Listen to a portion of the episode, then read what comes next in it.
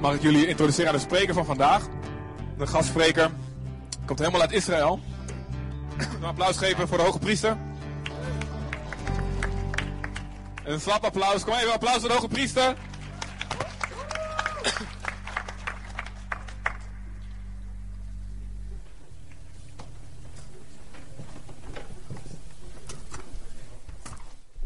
Ja, daar krijg je ervan als, uh, als we geen podium hebben. Eigenlijk zouden we naast elkaar moeten staan.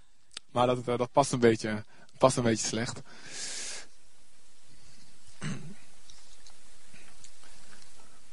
Ja, misschien, uh, nou, ik, ja, misschien, misschien kun je het heel eventjes iets, uh, iets naar de zijkant zetten. Dan kan ik er af en toe nog een beetje, een beetje naast. Een klein beetje hier, ja.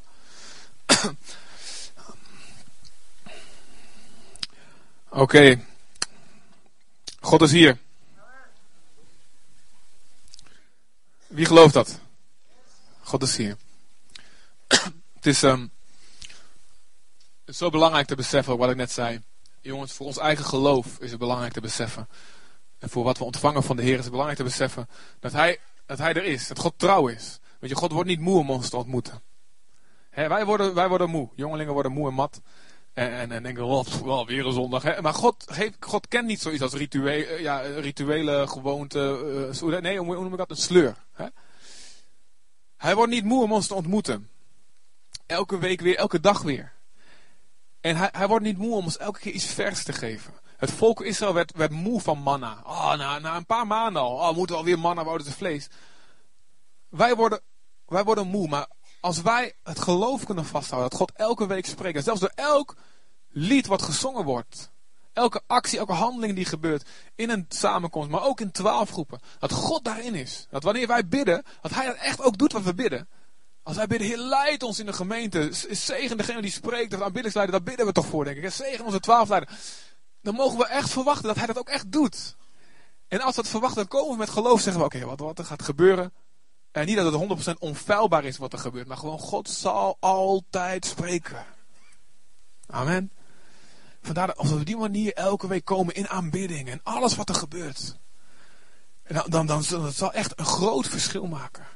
In wat wij zelf zien van God. Met alle gevolgen van dien in ons leven. He, dus, dus, dus.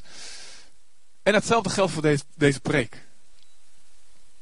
En dat geldt ook voor mij. Ik moet ook geloof hebben, Heer. Als ik bid dat, Heer, dat de Heer precies spreekt wat nodig is.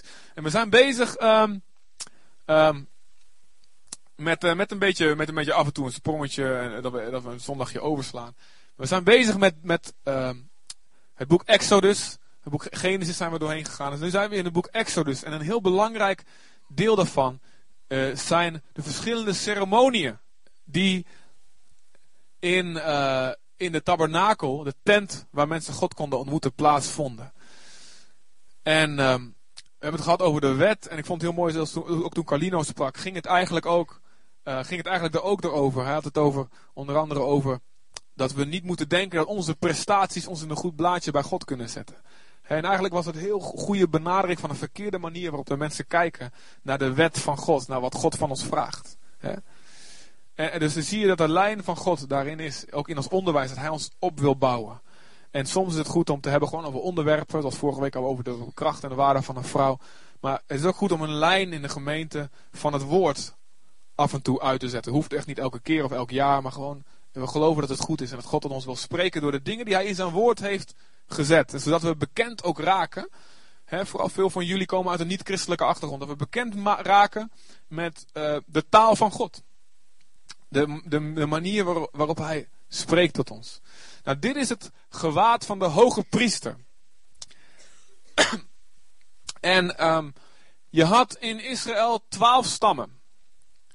En één stam daarvan werd door God apart gezet, de stam van Levi. De stammen waren allemaal nakomelingen van één van de zonen van Jacob, die ook wel Israël genoemd wordt.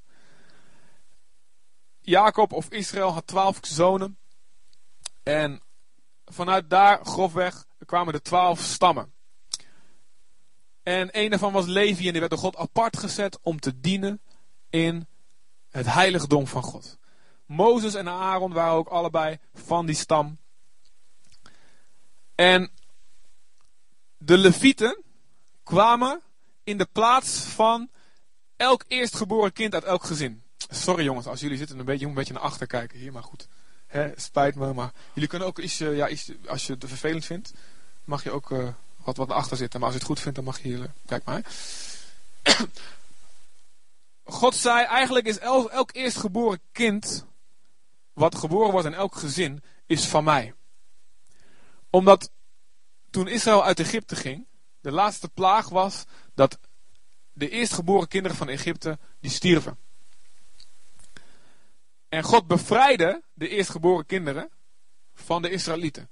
En toen zei hij, omdat ik jullie gered heb, zijn jullie van mij. Dat zegt iets over ons. Hè? Als je gered bent door Jezus, ben je ook van Hem. De Bijbel zegt, we zijn gekocht en betaald. Dus je bent niet meer van jezelf. Nou is God heel lief en eist hij ons niet meteen heel hard op. Hij, hij, snapt dat we... Hij geeft ons de tijd om te ontdekken, oh eigenlijk zijn we van Hem. En leert hij ons om steeds, ons steeds meer over te geven aan Hem.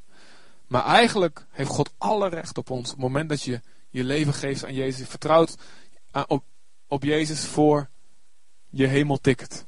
Zeg maar. Voor je rechte relatie met God. Dus al die eerstgeboren die horen aan God toe. Nou, wie van jullie is het eerstgeboren in huis? Wie van jullie is de eerste, zeg maar, het eerste kind van je ouders? Ik niet, ik ben de tweede. Haha. En het ging nou met name ook om de, de, de mannetjes. Dat ben ik wel. maar God zei: Oké, eigenlijk moeten jullie al jullie eerstgeboren naar mij afstaan. Maar de deal is: je mogen ze houden. Als je in plaats daarvan de levieten geeft, de hele stam. Dus, um, uh, en er waren een aantal meer eerstgeboren in het land Israël dan levieten. Een paar honderd meer. En er moest dan een prijs voor betaald worden. Er moest een losgeld voor betaald worden. Maar, dus in plaats van, eigenlijk moest jij, moest jij dienen in de tempel. Hè? Maar in plaats van jou mocht dan een leviet komen. En die levieten die dienden, die dienden in, de, in de tempel op allerlei, op allerlei manieren. En ze werden ingedeeld, ze kregen allemaal een taak. En dan had je nog binnen die levieten, had je de, een bepaalde familie weer. Dat was, waren de nakomelingen van Aaron. En, en ik denk dat die Aaron heet, omdat Mozes stotterde. Staat Mozes, ik, weet, ik kan niet zo goed spreken, hij. Ik denk dat hij, als hij een broer riep, hij in plaats van Aaron, zei hij Aaron. Dus, nou, heel flauw. En, um, heel mooi hè, hoe God een, een, een stotterende spreker gebruikt om de krachtigste woorden te spreken. Hoe God van, van zwakheid een kracht kan maken. Maar die zonen van Aaron waren de priesters. Dus je had Levieten dus. Alle, stam, alle nakomelingen van Levi. Alle nakomelingen van Aaron waren de priesters. De Levieten ondersteunden de priesters. En binnen de, onder de priesters had je de hoge priester. En die had deze kleren aan. Ik zal je meteen het geheim al verklappen. Um, Jezus is onze hoge priester. en, zo, en, en de Bijbel spreekt erover dat de wet een, een schaduwbeeld is van de werkelijkheid. Dus God gaf ze allemaal beelden, allemaal symbolen. Een tabernakel met een bepaalde indeling. Een tent dus met een bepaalde indeling. Verschillende dingen stonden daar. Uh, een altaar, een tafel, een ark, er was een voorhof, een heilige, een heilige der heiligen. Dat symboliseert allemaal dingen. Dat was niet het echte spul, maar het liet iets zien. Het staat, Mozes moest het bouwen naar het voorbeeld wat hij zag op de berg. Oftewel, hij zag in de geestelijke wereld, zag hij dingen van God. En God gaf hem een vertaling voor hoe dat op aarde eruit zal zien. Het lijkt op, het is een vergelijking, een schaduwbeeld.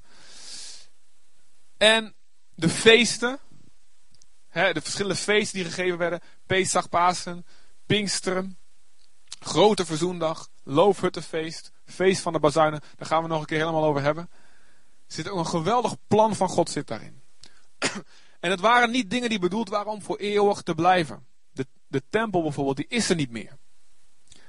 En het, het, het, het heeft de, had de bedoeling om in Jezus, op het moment dat Jezus kwam, zijn echte vervulling te krijgen. En vanaf dat moment was het oude ook niet meer nodig, want Jezus was de vervulling van de wet. Zoals hij zelf dat ook zegt. Dus eh, ik, ik, ehm, we gaan dus een beetje bijbelstudie-achtige preek doen vandaag. En misschien zijn jullie dat iets minder gewend, maar ik denk dat het af en toe best goed is. Dus ik wil even dat je tegen jezelf zegt, ik kan dit aan. Zeg maar even 1, 2, 3. Mijn verstand kan dit pakken. Mijn geest kan dit pakken. Mijn billen kunnen dit aan. Ik ga het niet lang maken hoor, maar ik bedoel. We niet gaan wiebelen.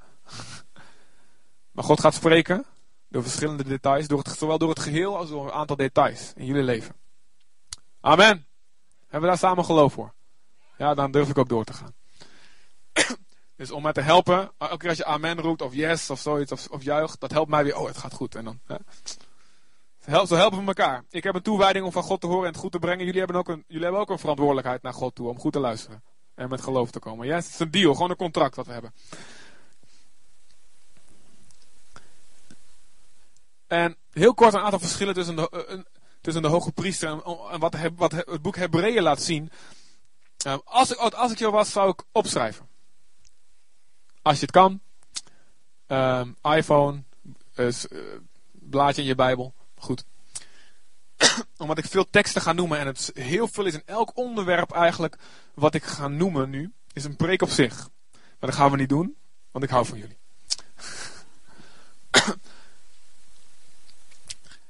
Hebreeën heeft het over het verschil tussen de hoge priester in de tijd van, van, de tijd van Mozes en Jezus. De hoge priester moest, voordat hij iets kon doen, moest hij voor zichzelf een offer brengen. Omdat hij zelf nog niet recht tegenover God stond. Hij had ook zonde in zijn leven. Was gewoon een mens. En Jezus hoeft dat niet te doen. Jezus hoeft niet voor zichzelf te offeren. Daarmee laat de Hebreeën schrijver zien, dit was niet het echt, niet het uiteindelijke doel van God. Jezus is, Jezus is het uiteindelijke doel van God. De hoge priester ging dood. En na zijn dood moest er een opvolger aangesteld worden. Jezus leeft voor eeuwig. Verschil 3 is dat het, deze kwam met offers die eigenlijk de zonde niet konden wegnemen. Bloed van dieren kon de zonde niet wegnemen, zegt de Bijbel heel nadrukkelijk.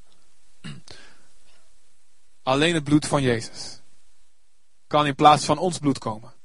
Alleen het bloed van een onschuldig mens kan in plaats van het bloed van een schuldig mens, jij en ik, komen. Anders zou er geen rechtvaardigheid zijn.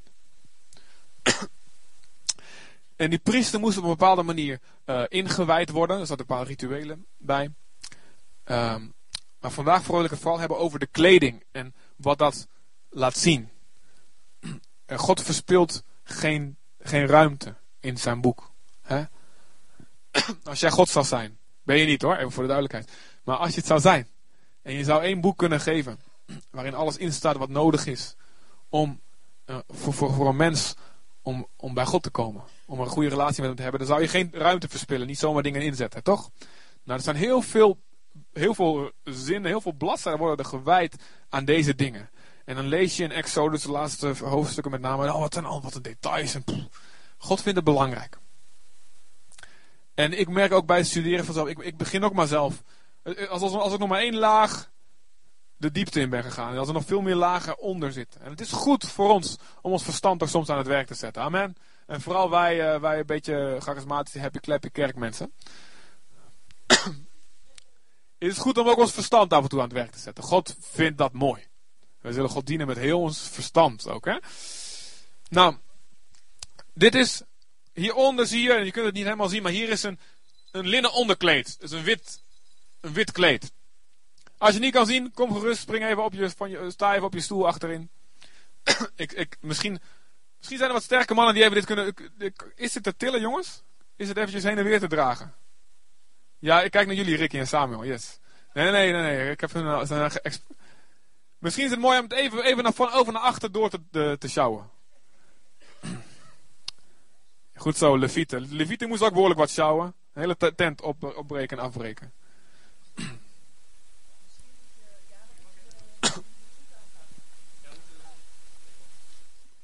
Even applaus voor deze jonge mannen met sterke.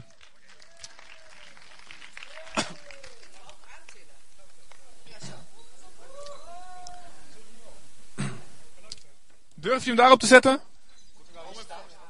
Ja, dan moet iemand hem fulltime vasthouden. Dat kan. Ja? Ricky. Applaus voor Ricky.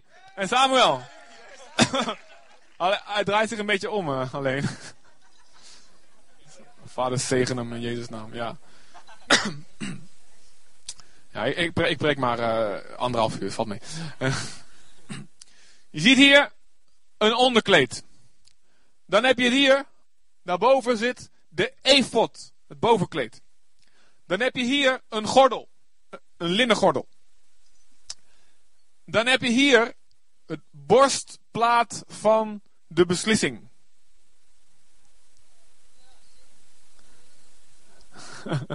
Staat al gaat, dat komt op internet. Dus dan kun je nog eventjes. Maar ik, moet, ik heb veel te zeggen, dus ik moet een beetje snel. En dan heb je hier een heilige diadeem. Ofwel een, um, hoe heet dat precies? Uh, de gouden plaat wordt het ook wel genoemd. Maar het kan ook, uh, waarschijnlijk was het een diadeem, een hoofddeksel.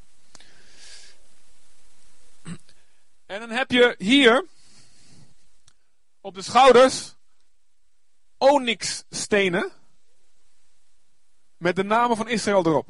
Gegraveerd. Hier zes aan deze kant, zes aan die kant. En hier zie je twaalf stenen voor de twaalf stammen van Israël.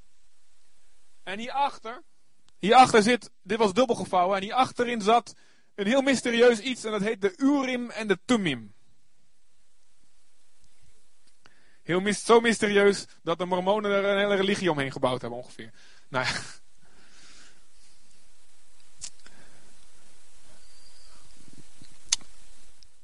En hieronder, hoor je het al, heb je belletjes. En die belletjes worden afgewisseld met granaatappels. geweven, hè? dat is niet echt, hè? anders zouden ze gaan rotten. Belletje, granaatappel, belletje, granaatappel, onderaan. Dit was de kleding van de hoge priester. Ik wil het heel, gewoon heel eventjes hebben over het concept kleding. Hoe waren Adam en Eva gekleed? Wat was hun haute? Hoe zagen ze eruit? Ze zagen er niet uit, was dat Een maatkleding, geweldig, ja. Wil iemand even laten zien? Hoe ze eruit zagen? Nee? Gaat dit goed? Ja, als straks Arenda niet meer is, dan...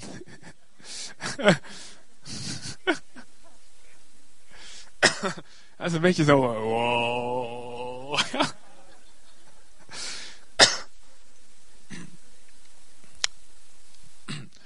en je ziet dat nadat mensen in zonde vallen, dat ze ergens mee bekleed moesten worden. Want ze zagen, ik ben bloot.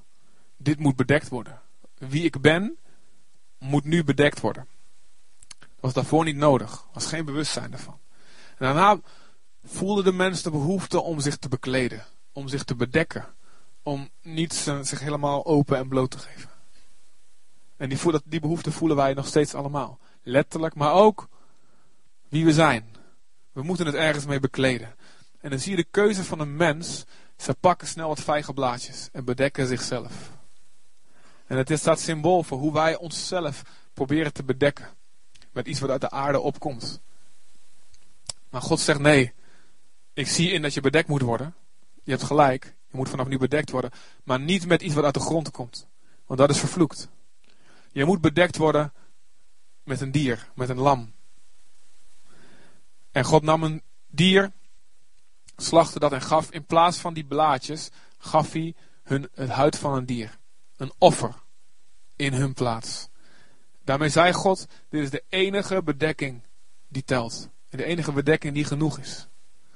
Ja, je moet bekleed worden, maar ik geef jou een bedekking. En het offerdier voor ons is, het, is Jezus. Waarmee we ons bedekken. Niet onze eigen goede werken. Niet een masker waarachter we verstoppen wie we werkelijk zijn. Dat zijn allemaal vijgenblaadjes. Hè, waar Carlino het over had. Niet de prestaties. Niet hoe mensen denken dat we zijn. Alleen Jezus is een bedekking die door God gegeven is. en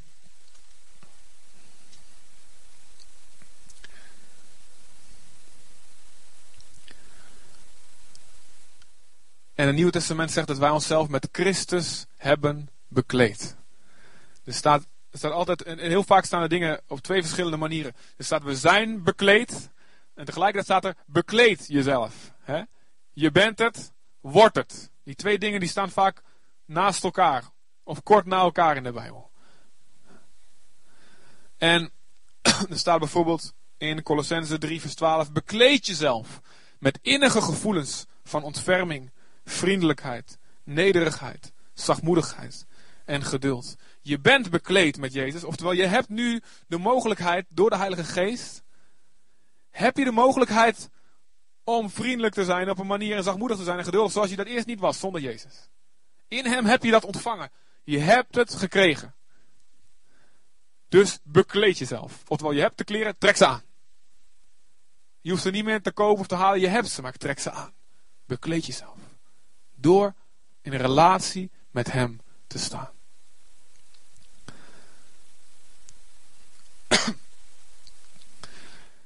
Zonder deze kleding ging de hoge priester dood. Hij mocht niet in het heiligdom diensten doen zonder deze kleren aan te trekken. Dat staat heel duidelijk. Exodus 28. Um, volgens mij vers zoveel 30, 35. Moet even opzoeken jongens als je een aantekening maakt. Er staat dat hij moet het aantrekken opdat hij niet zal sterven. En in het Nieuwe Testament zegt Jezus een gelijkenis dat wie op de bruiloft van God uitgenodigd is, moet een goede kleren aan hebben. Nogmaals een verwijzing. We moeten aantrekken wat God ons geeft. Dat is Jezus. Niet komen met iets anders. Maar Heer, ik heb zoveel geëvangeliseerd. Maar Heer, ik heb zo hard gebeden. Maar God, oh ik ben zo goed. Ik, heb, ik help duizend oude vrouwtjes per uur de zebrapad oversteken. Dat, dat is allemaal goed. Maar het is, is niet een offer waarmee je Gods aanwezigheid binnen kan komen. Dat kan een gevolg zijn van het zijn met Jezus. En dat is goed en dat is nodig. Maar je moet komen met de kleding die je van God ontvangt. Nou, en Jezus voldoet aan alle eisen van God. Er staat bijvoorbeeld in Exodus 28, vers 32 staat: Dit kleed mag niet scheuren. En ergens even later in Leviticus 21, vers 10 staat nadrukkelijk: De hoge priester mag nooit zijn kleren scheuren. Mag niet. Jezus droeg op weg naar het kruis droeg hij een bovenkleed en een onderkleed. En dat bovenkleed dat werd verdeeld. Maar het onderkleed was heel kostbaar, want het was net zoals dit gemaakt uit één stuk. En daarom gingen de Romeinen, de Romeinse soldaten, gingen erom dobbelen wie het mocht hebben. Ze knipten niet in stuk, ze gingen erom dobbelen wie het mocht hebben. Zijn kleren werden niet gescheurd. Hij was ook een man uit één stuk. Aan de andere kant, de hoge priester van, dat, van die tijd was Caiaphas. En Matthäus 26, vers 65. Er staat dat als toen de hoge priester en Jezus elkaar ontmoetten. En Jezus zei, ik ben inderdaad wie jullie zegt dat ik ben. Ik ben de zoon van God. Op het moment dat hij dat zei, scheurde de hoge priester zijn kleren, wat hij niet mocht doen. Hij zei, dit is het godslastering. zie je wel, hij moet gekruisigd worden. En dat liet ook iets zien. Het heeft allemaal een diepere betekenis dat hij dat deed. Hij profeteerde zonder dat hij het wist. En hij liet zien, dit oude hoge priesterschap geldt niet meer. Het is verscheurd, zoals het voorhangsel ook verscheurd werd. Dit oude, dit oude menselijke priesterschap is niet meer geldig. Terwijl Jezus als de echte hoge priester, zijn kleren werden niet gescheurd. En dat liet zien dat Jezus de volmaakte priester van God is alleen geschikt om het offer te brengen wat mensen en God weer bij elkaar kan brengen. Mooi hè?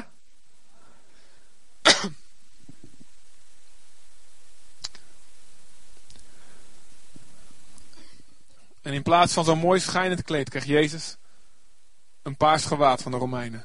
Bovenop zijn, zijn striemen. Wat vast ging zitten ook aan, zijn wonden, aan zijn rug. En er werd hem een doornenkroon opgezet. Ze zeiden, oh koning, grote koning. En Jezus werd ontkleed. En naakt.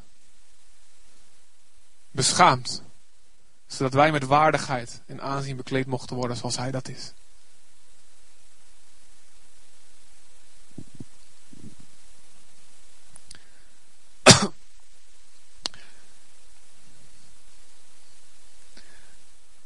En dit is gemaakt van linnen ook.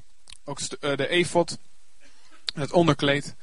En um, dat was in die tijd, en dat vinden wij nu misschien wat minder belangrijk. Maar in die tijd was, um, had je, als je linnen aan had, dan was dat verkoelend.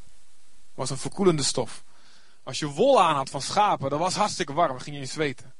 En er staat in Ezekiel 44, vers 18, dat de priesters mogen niks aan hebben, waardoor ze gaan zweten.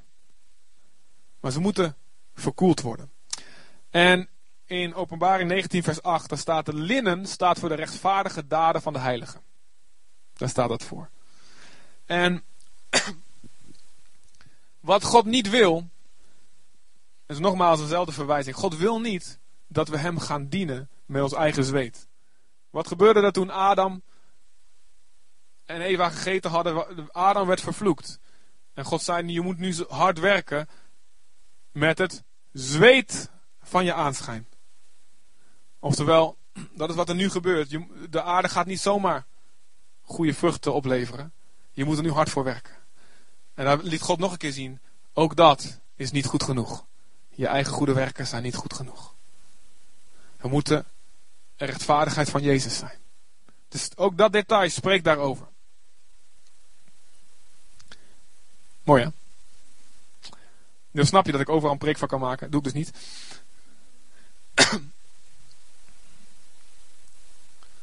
nou, Oké, deze stenen hier bovenop. Hier stonden zes namen van zes stammen. En hier stonden zes namen.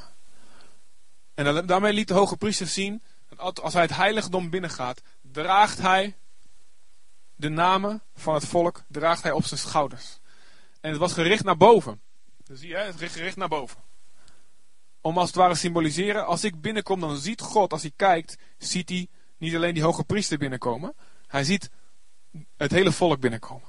Oftewel, hij vertegenwoordigt iedereen. Als, toen Jezus aan het kruis hing en het daarna het heiligdom inging. In, toen hij opstond uit de dood. En wat we herdenken aan met hemelvaart. Dat hij het heiligdom van God ingaat. Waar hij nu is. Aan de rechterhand van de Vader. Dan gaat hij niet alleen. Maar jij en ik gaan met hem mee. Want wij zijn vertegenwoordigd in hem. Op het moment dat je je hecht aan hem. Ga je met hem het heiligdom in de hemel binnen. En heb je een positie gekregen in Christus. En heb je hetzelfde recht bij God als Jezus heeft. Het recht dat God naar je hoort, je gebed verhoort en je helpt en je bijstaat. Het recht op een goede relatie met Hem, wat we zelf niet verdiend hebben. Dus dat laten deze stenen zien. Is het een goed teken dat jullie zo stil zijn?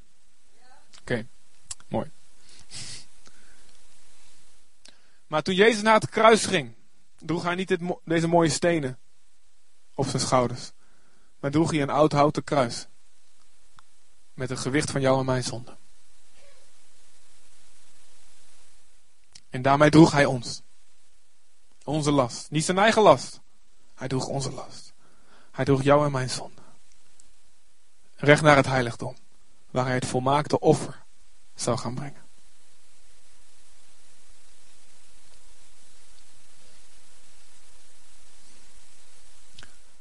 En zoals hij dat deed, zijn wij geroepen hem na te volgen.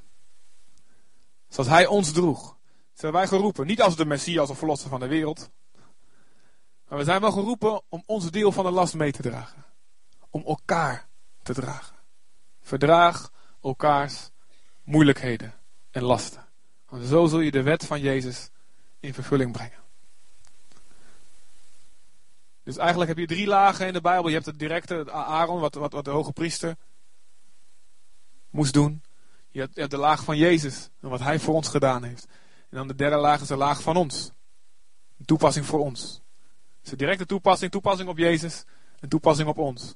En eigenlijk in bijna, ja, eigenlijk in alles in het Oude Testament kun je die drie toepassingen naar, kun je daar naar kijken. Wat heeft het direct te zeggen op dat moment?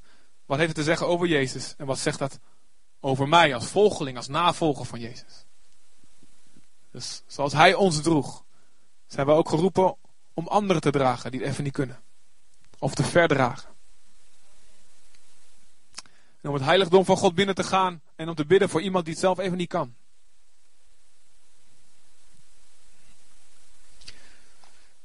nou, dan gaan we naar deze borstplaat. En uh, er is heel veel debat van wat voor stenen dat nou precies zijn. De Hebreeuwse woorden zijn bekend, maar wat, dat nou, wat voor moderne steen dat nou betekent, daar kunnen ze niet helemaal over uitkomen. Dus daar ga ik het ook maar niet over hebben. En wat voor, wat, wat voor kleur het dan precies heeft. Er is heel veel verschil over. Maar goed, um, wat je, waar het vooral om gaat, is dat je ziet dat de hoge priester het hele volk in al zijn veelkleurigheid en diversiteit op zijn hart draagt.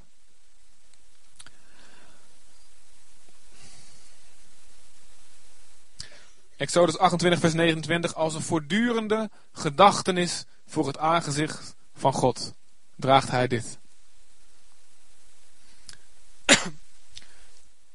Jezus draagt jou en mij op het hart. Amen. Een aantal teksten met jullie lezen en, en uh, uit Hebreeën.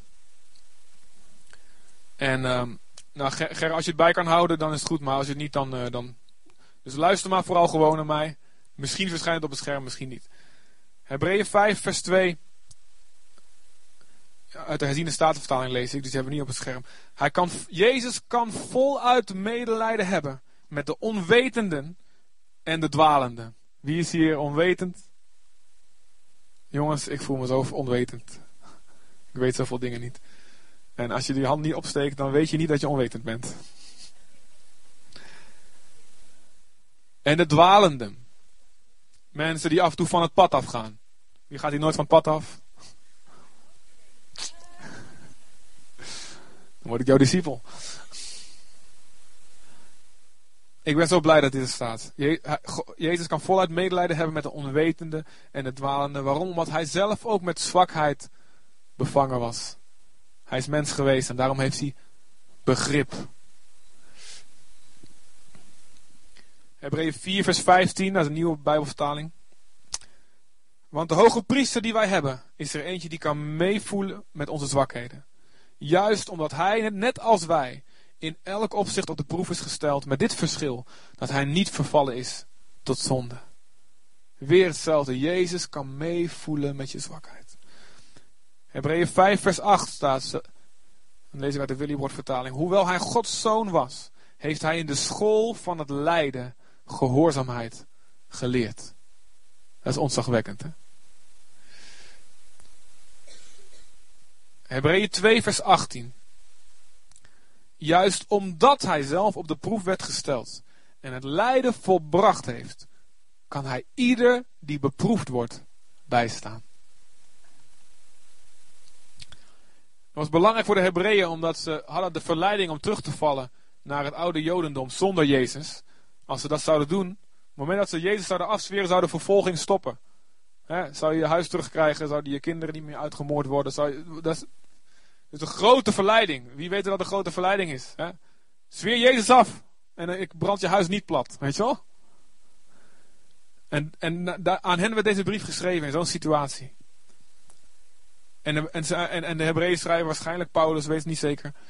Die zei: Joh, Ga naar Jezus. Hij snapt hoe heftig het is. Hij, hij, hij veroordeelt je niet dat je het moeilijk hebt. Hij zegt niet, oh, stomme idioot, weet je niet, is het, is het nou zo moeilijk? Ik heb toch ook het kruis doorstaan, oh makkie, weet je wel? En jij er zit dat te zeuren? Nee. Jezus zegt, ik weet, ik weet hoe zwaar het is. Ik heb ook moeten vechten. Ik heb bloed moeten zweten om, om, om, om tot, de, tot de dood trouw te blijven. Dus ik snap hoe moeilijk het is. Dus ik zal de laatste zijn die je veroordeelt. Maar kom alsjeblieft wel tot mij, want je hebt het wel nodig. Je moet wel volharden. Het moet wel volharden. Het moet wel. Maar kom bij mij. En luister, iemand als. Je gaat niet toe naar iemand die je veroordeelt, toch? Denk eens aan heel veroordelend iemand in je hoofd niet zeggen. In je hoofd. Heel veroordelend iemand. Is het leuk om bij in de buurt te zijn? Oh, ik heb zin om een lekkere oordeel over mijn kop. Oh, lekker, ja? Echt, heb ik echt aan toe. Maar als je iemand hebt die juist heel begripvol is. Dat is fijn, hè? Toch? Is niet erg hoor, om ja te zeggen. Dat is fijn. God is begripvol. Maar heel veel mensen zien God als veroordelend. hey, God is strak met zonde. En zonde blijft zonde. En we moeten ermee kappen. Heel duidelijk. Bekeer je, koninkrijk van hemel is dichtbij gekomen. Om er vanaf te komen, zegt Jezus, kom bij mij. Ik snap dat het niet makkelijk is. Dus snap je, het is een begripvolle hulp die hij geeft om te veranderen. Juist omdat hij er doorheen gegaan is. En juist als het fout gegaan is, kun je elke keer weer terugkomen. Hij ziet je hart. Hij draagt je op zijn hart. Hij draagt ons op zijn hart. Hij begrijpt de levensweg die je afgelegd hebt. Hij weet de verzachtende omstandigheden. Waarom iets misgegaan is. Hij weet wat je opvoeding aan heeft bijgedragen dat je een verkeerde kant op bent gegaan. Hij weet ook wat geen verzachtende omstandigheid is. Hij kijkt dwars door ons heen. Hij weet onze beperkingen. En hij veroordeelt ons niet. Maar hij zegt: Kom bij mij. En ik verander je. Hij draagt je op je hart. Geloof is niet een perfect leven leiden. Maar geloof is altijd naar Jezus blijven komen. In je zwakheid. En daar kracht ontvangen. Voor je leven. En dan zal een andere, andere keuzes en een, en een beter leven zal een gevolg zijn van het komen bij Jezus, de hoge priester, die meevoelt met onze zwakheid. Amen. En weet je hoe erg Jezus ons op zijn hart droeg? Hij droeg ons zo op zijn hart mee. Hij had zo'n grote liefde. Dat hij stierf van een gebroken hart. Toen de speer in zijn zij werd, werd gedaan, kwam er water en bloed uit. Een teken dat het bloed uit zijn hart, uit, uit zijn hart was gestroomd. En het, ik weet niet precies hoe dat zit, maar dat heb ik ergens gelezen. Nou, biologen onder jullie weten dat beter. Maar dat, dat, het was dus al gescheiden in, in rode bloedcellen en iets van serumachtig iets, ik weet niet meer wat. In ieder geval, water en bloed. Het is een gevolg van het sterven aan een gebroken hart. Hij had op zich nog wel een paar dagen aan het kruis levend kunnen blijven hangen. Wat vaak gebeurde. En daarom kwamen ze om de botten te breken, maar hij was al dood. Zo droeg Jezus jou en mij op het hart. Hij is gebroken van binnen, opdat wij innerlijke genezing, genezing van ons hart, kunnen ontvangen. Word je niet stapel verliefd op die paspop, die hoge priester van ons? Is hij niet lief? Ik wil hem knuffelen dan. Ja, toch? Wees maar niet bang, we gaan geen afgoderijen plegen en straks weer ook verbranden. Echt.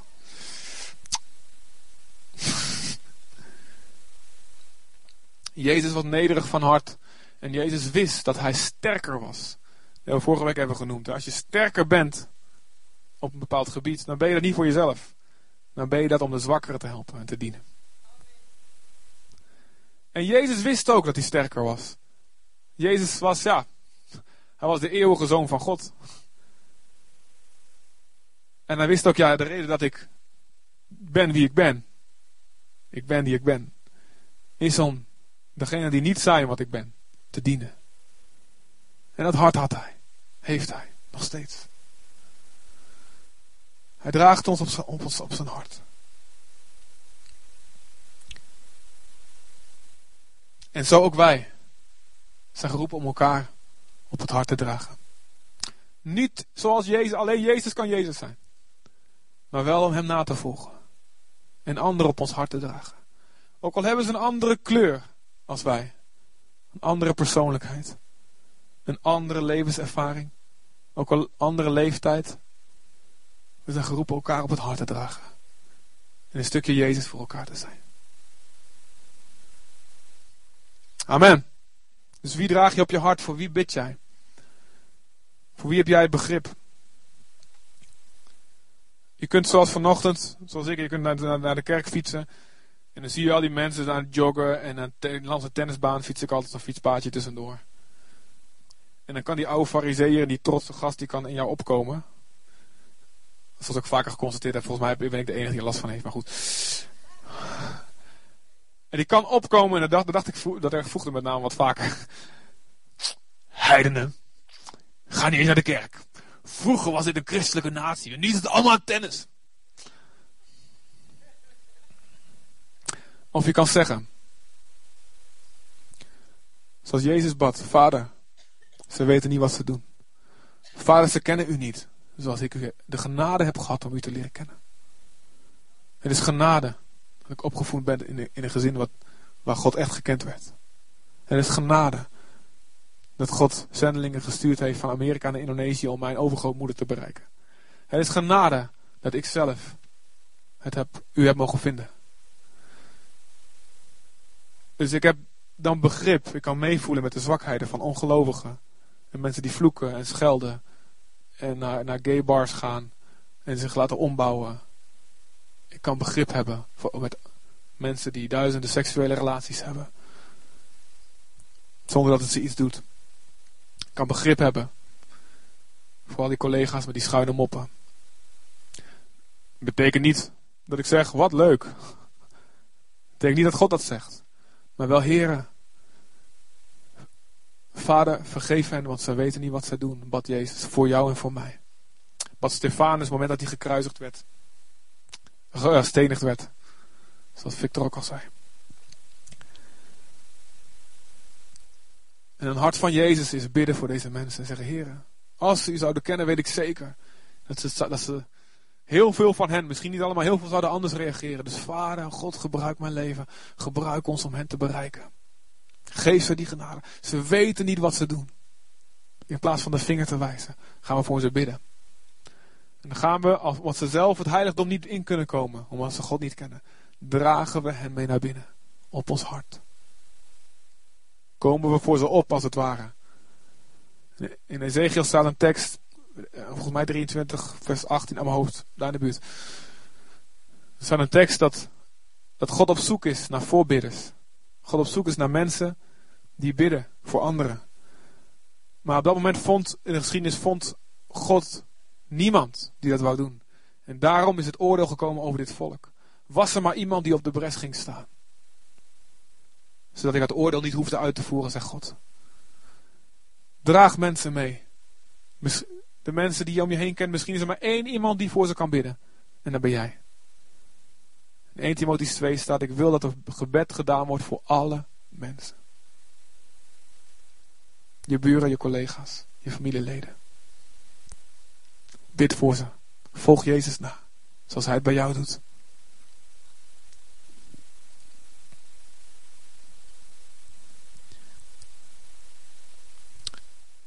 God doet het ook bij ons. Jezus doet het ook bij ons. Psalm 19, vers 13. Dat is een hele mooie tekst. Voor mij is het heel belangrijk. Er staat, wie kan al zijn fouten kennen? Spreek mij vrij van verborgen zonden. Heel veel dingen weten wij niet dat we fout doen. Heel veel dingen weten we niet dat we iets missen, dat we iets nalaten wat we eigenlijk zouden moeten doen. Of we weten het wel, maar we vergeten het even. Jezus bidt voor ons, Jezus pleit voor ons. Hebreeën 7, vers 25. Misschien kan die wel op het uh, scherm.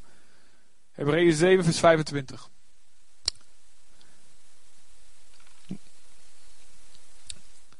Daar staat, hij kan. Zal even wachten.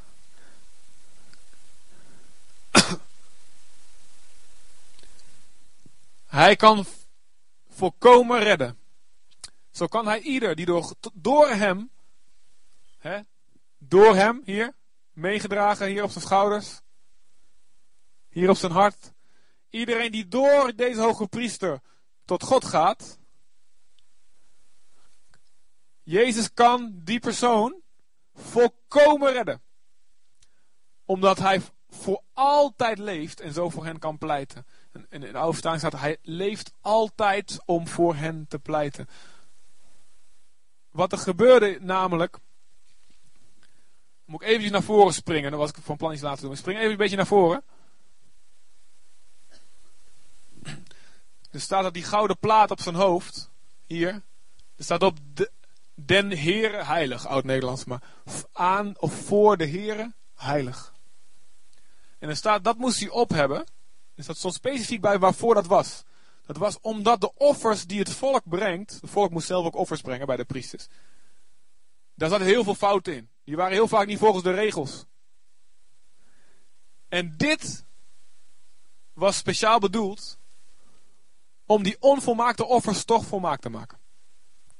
Om vergeving te vragen voor de fouten die gemaakt werden en dienen van God. Iemand, je wil iets doen voor God, maar je doet het net op de verkeerde manier. En dat doen we allemaal. Hè? Jezus leeft voor altijd om voor ons te pleiten. Voor de fouten die we niet kennen. Die waar we niet bewust van zijn. En daarin kun je ook gerust zijn. Als je soms helemaal in een kramp schiet of in een stress schiet. Dien ik God wel op een goede manier. Zing ik wel goed. Hef ik mijn hand wel in de goede, in de goede hoek. Door zoveel graden omhoog. Communiceer ik wel goed. Preek ik wel goed. Evangeliseer ik wel goed. Vertel ik het wel op de goede manier. Oh, je kunt soms in een kramp schieten daarvan. En het is goed om jezelf steeds beter te maken. Absoluut, ga daarvoor. Paulus zegt tegen Timotheus, zorg dat aan iedereen blijkt dat je telkens vooruit gaat. Ga daarvoor. Maar we hoeven niet in een kramp te schieten als we denken, oh het is niet helemaal perfect. Ook daarin is dan voorzien door onze hoge priester. En ook als het een keer een blunder is en als je toch een keertje boos wordt op je vrouw of op je kinderen, terwijl het eigenlijk niet zou hoeven. Jezus leeft om voor je te pleiten. En al die tijd dat je helemaal niet meer bewust bent van die zon. Heb je, wel heb je dat wel eens? Dat je iets fout gedaan hebt, maar je komt er pas een week of een jaar later achter. En al die tijd heeft Jezus dan voor jou gepleit. Vader, hij weet het niet. Ik pleit voor hem. Is goed, zeg God.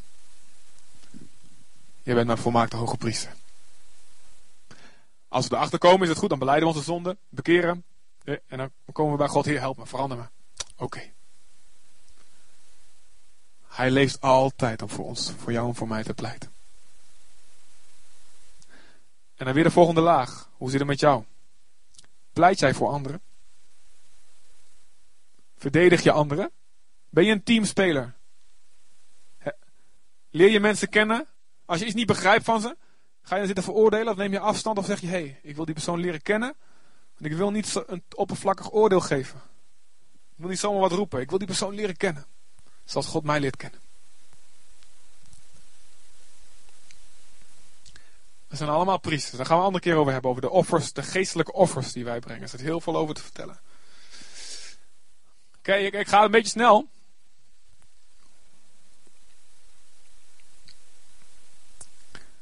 De twaalf stenen staan ook voor de veelkleurigheid van de gemeente. De veelkleurige wijsheid van God moet bekend worden. En de kostbaarheid van iedereen. Nou, zat daarachter zat de, de Urim en de Tumim. En, en, er staat niet beschreven wat dat was. Er staat niet beschreven hoe het werkt. Er staat alleen dat het er was en dat het werkte. Dus er zijn heel veel theorieën over. Maar goed, ik heb van alles gelezen. Eentje die ik heel mooi vond. Ik weet dus niet zeker of dat de enige ware juist is. Maar goed, ik vond het heel mooi. Dus ik vertel hem gewoon. Dat was dat er een aantal andere stenen waren. Uh, waar het licht van de kandelaar op kon vallen. Waar een licht op kon schijnen. En waardoor bepaalde stenen, door dat licht dus gereflecteerd in die andere stenen, op gingen lichten. En God leiding gaf. Er staat David die vroeg aan God, moet ik aanvallen ja of nee? En via de Urim en de Tumim antwoordde God ja of nee. Of ga linksom of ga via de achterkant. Echt uitgebreide antwoorden soms ook wel. En dat vond ik heel mooi, want weet je wat het is? Dat laat zien dat God wil ons leiden, ten eerste. De Bijbel zegt, Johannes 16, vers 13, als de geest van de waarheid komt, hij zal ons leiden in de volle waarheid. De Bijbel zegt, God zal ons in alles inzicht geven. In 1 Johannes 2, vers 27 staat, de zalving die op je is, zal je leren over alle dingen. God wil je leiden, God wil leiding geven, God wil antwoord geven. Jezaja 30, vers, volgens mij, ja, nou, ik weet niet waar die staat. Er staat, als je links of rechts wil gaan, dan zul je een stem achter je horen dit is de weg, wandel daarop. God wil je leven leiden, amen. Maar wat ik mooi vond, is dat hij dat niet alleen individueel doet. Hij doet dat door de veelkleurigheid van de gemeente. Dus je hebt anderen nodig. Je hebt de andere kleurtjes op het palet nodig om de volle leiding van God te ontvangen. God kan tot jou individueel spreken, doet hij ook heel vaak, absoluut. Maar niet over, niet over alle gebieden. We, hebben nou, we zijn nou bezig in een heel uitgebreid overleg met, uh, met, met, met z'n vieren over, over weer gewoon um, ja, een beetje organisatie van de gemeente. En, en, en, en, en uh, ja, ik heb, een, ik heb een bepaalde visie van God gekregen. En ik merk dat God spreekt me, tot me over dit en over dat en over dat. Maar dit deel, ik, ik kon bidden tot ik, tot een ons wegen woog, maar ik hoorde er niks over. En ik, ik voelde aan, ik dacht van, weet je wat, ik, volgens mij wil God me dat alleen zeggen, ons dat alleen zeggen, samen. Dan moeten we samen erover praten, uitwisselen. Door de veelkleurigheid zullen we leiding ontvangen hiervoor. En dat gebeurde. Afgelopen woensdagmiddag. In Terwolde. En, uh, terwijl de kinderen aan het springen waren op die dingen. En eh, zoals hetzelfde uh, vorige week, ik wist de preek. Ik wist dat ik moest spreken, maar ik wist niet hoe ik het af moest sluiten. Mijn vrouw wist hoe ze het af moest sluiten. Sommige leiding krijg je alleen, maar een aantal dingen krijg je alleen samen. En vooral als je een heel ander kleurtje opzoekt dan wat je eigenlijk zelf bent. Leuk hè? Dus niet zo snel afstand nemen van die mensen die je niet begrijpt. Want misschien mis je de leiding van God voor je leven. Nou, hier. Die belletjes. Je kon horen dat de hoge priester bezig was. Want die tent die was dicht. Je kon dus niet, je had geen webcam of zo binnen in dit heilige de heilige. Maar als je die belletjes hoorde, dan wist je gelukkig, hij leeft nog. Nou, dat kan verschillende dingen betekenen. Het geluid van het evangelie wat klinkt uit onze mond. Amen. Dat doen we toch? Vertellen, vertellen aan onze vrienden en familie. Het kan betekenen ook Jezus voorbeden voor ons. Hij blijft altijd bidden. Het geluid wordt altijd gehoord. Hij is in de hemel, hij bidt voor ons. Het stopt nooit. Het kan ook zijn onze proclamatie, de beleidenis van ons geloof. Jezus wordt genoemd de hoge priester van onze beleidenis. Het geluid van onze beleidenis van je proclamatie mag gehoord worden. Ik ben vergeven. Door het bloed van Jezus. Ik ben een kind van God. Ik heb autoriteit om te doen wat God van me vraagt. Ik heb alles, ik heb, ik heb gekregen. Ik heb de, de, de volheid van de, God, van de God ontvangen in Jezus. Ik heb wat nodig is om mijn taak te volbrengen. Dingen die het woord zegt. Belletjes. Laat het geluid gehoord worden. Granaatappels. Er zijn ontzettend, ontzettend veel zaadjes in. Oftewel, God wil dat je super vruchtbaar bent. Jezus was super vruchtbaar. Amen. Kijk eens, wij zitten hier allemaal. We zitten met, met, een, uh, met een 2 miljard waarschijnlijk hier vanochtend. 2,1 miljard. Jezus was vruchtbaar. Amen. En ook jij, je, vader is verheerlijk als je veel vrucht draagt.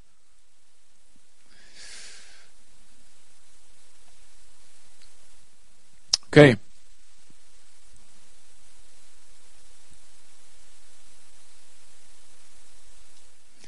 In Hem zijn we heilig. In Hem wordt ons offer aangenomen. Zelfs als het onvolmaakt is. Zelfs als het onvolmaakt is. Halleluja. En als we bij Hem komen, worden we ook wij heilig voor de Heer. Heilig voor de Heer.